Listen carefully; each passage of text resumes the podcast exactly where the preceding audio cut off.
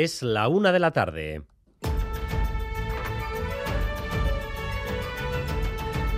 Crónica de Euskadi con Dani Álvarez. Arrachaldeón, el día para erradicar la violencia contra la mujer llega este año con la certeza de que la eliminación definitiva está aún muy lejos. Lo saben bien las 37 mujeres que deben vivir escoltadas por la Archaincha ante las amenazas de muerte que sus exparejas, hombres todos ellos, les han hecho, o las casi 3.500 que han denunciado a sus parejas en los 10 primeros meses del año. Y las supervivientes, como Elena y Ana, a ambas las intentaron asesinar. Soy Ana, superviviente de la violencia de género. Una se va haciendo una hormiguita, una hormiguita, una hormiguita. Yo no entendía por qué aguantaba. Me da mucha vergüenza contarlo a mi familia. Es que ni yo misma entendía. Ojalá que nuestro testimonio sea útil sobre la importancia de que hombres y mujeres nos relacionamos en igualdad. Podéis ser ejemplo del cambio en nuestra sociedad.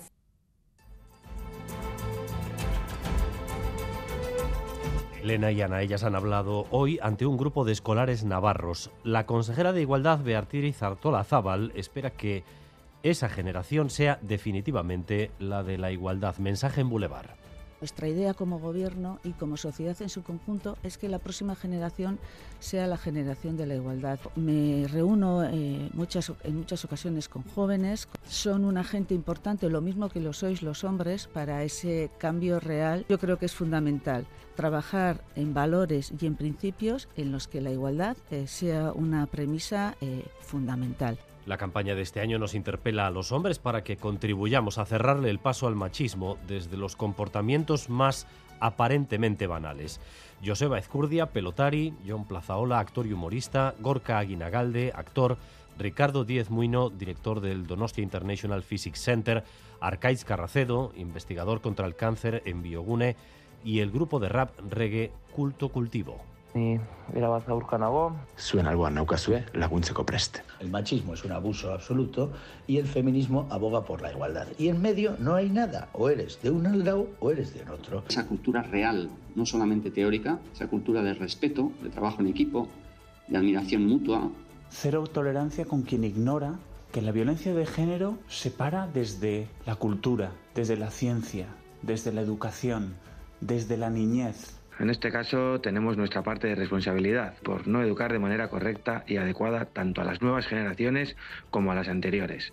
Enseguida estaremos también con integrantes del movimiento feminista que están ahora mismo ultimando las manifestaciones de esta tarde. Y en relación con la aplicación de la ley del solo sí es sí, también a esta hora en la audiencia de Vizcaya debate si se marca una la, la audiencia de Vizcaya debate si marca una directriz antes de que unifique doctrina el Tribunal Supremo. Recuerden que en Euskadi tenemos ya una veintena de recursos para rebajar condenas. Natalia Serrano. Sí, allí en la audiencia de Vizcaya se reúnen a esta hora los magistrados y magistradas de sus tres secciones penales. Se trata, como dices, de fijar criterio común. De momento poco se sabe de cómo marcha ese debate.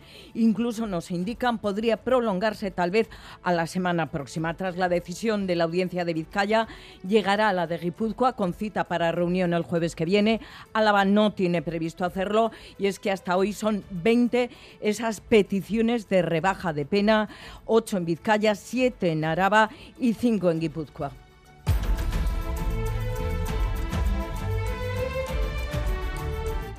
Este fin de semana es la gran recogida de final de año que organizan los bancos de alimentos y nos piden colaboración. Ahora muy especialmente la inflación, el precio de la alimentación están poniendo en una situación límite a las familias que peor lo pasan y con el precio de la energía ahogando aún más, esta vez recomiendan que cedamos alimentos precocinados, Iratibarrena. La gran recogida ha comenzado poco a poco, pero ya se están llenando varias cajas. Es el caso del supermercado de la calle Autonomía donde nos encontramos. Podemos ver legumbres en bote, pasta, azúcar, leche o aceite, productos que se mantengan en los almacenes de los bancos de alimentos que en estos momentos están prácticamente vacíos. Y ya lo decías, nos recomiendan también donar productos precocinados. Así nos lo ha contado Amaya Urberoaga, miembro del Banco de Alimentos de Vizcaya. Este año más que nunca estamos eh, pidiendo alimentos precocinados debido a la carestía de la electricidad. La comida precocinada que lo metan en microondas un par de minutos y tienen una, una comida por lo menos para empezar. Y todo para ayudar a quienes más lo necesitan. Este último fin de semana de noviembre suele mostrarnos el contraste entre la recogida de alimentos y la fiebre de las compras con los descuentos del Black Friday. El pequeño comercio se debate entre subirse a la ola o plantarle cara a las grandes cadenas. Y cada vez vemos en más escaparates eso que, eh, de que aquí no se hace el Black Friday. También vamos a hacer una conexión con algunos de esos comercios. Y así va a sonar esta tarde el concierto inaugural del Fair Saturday.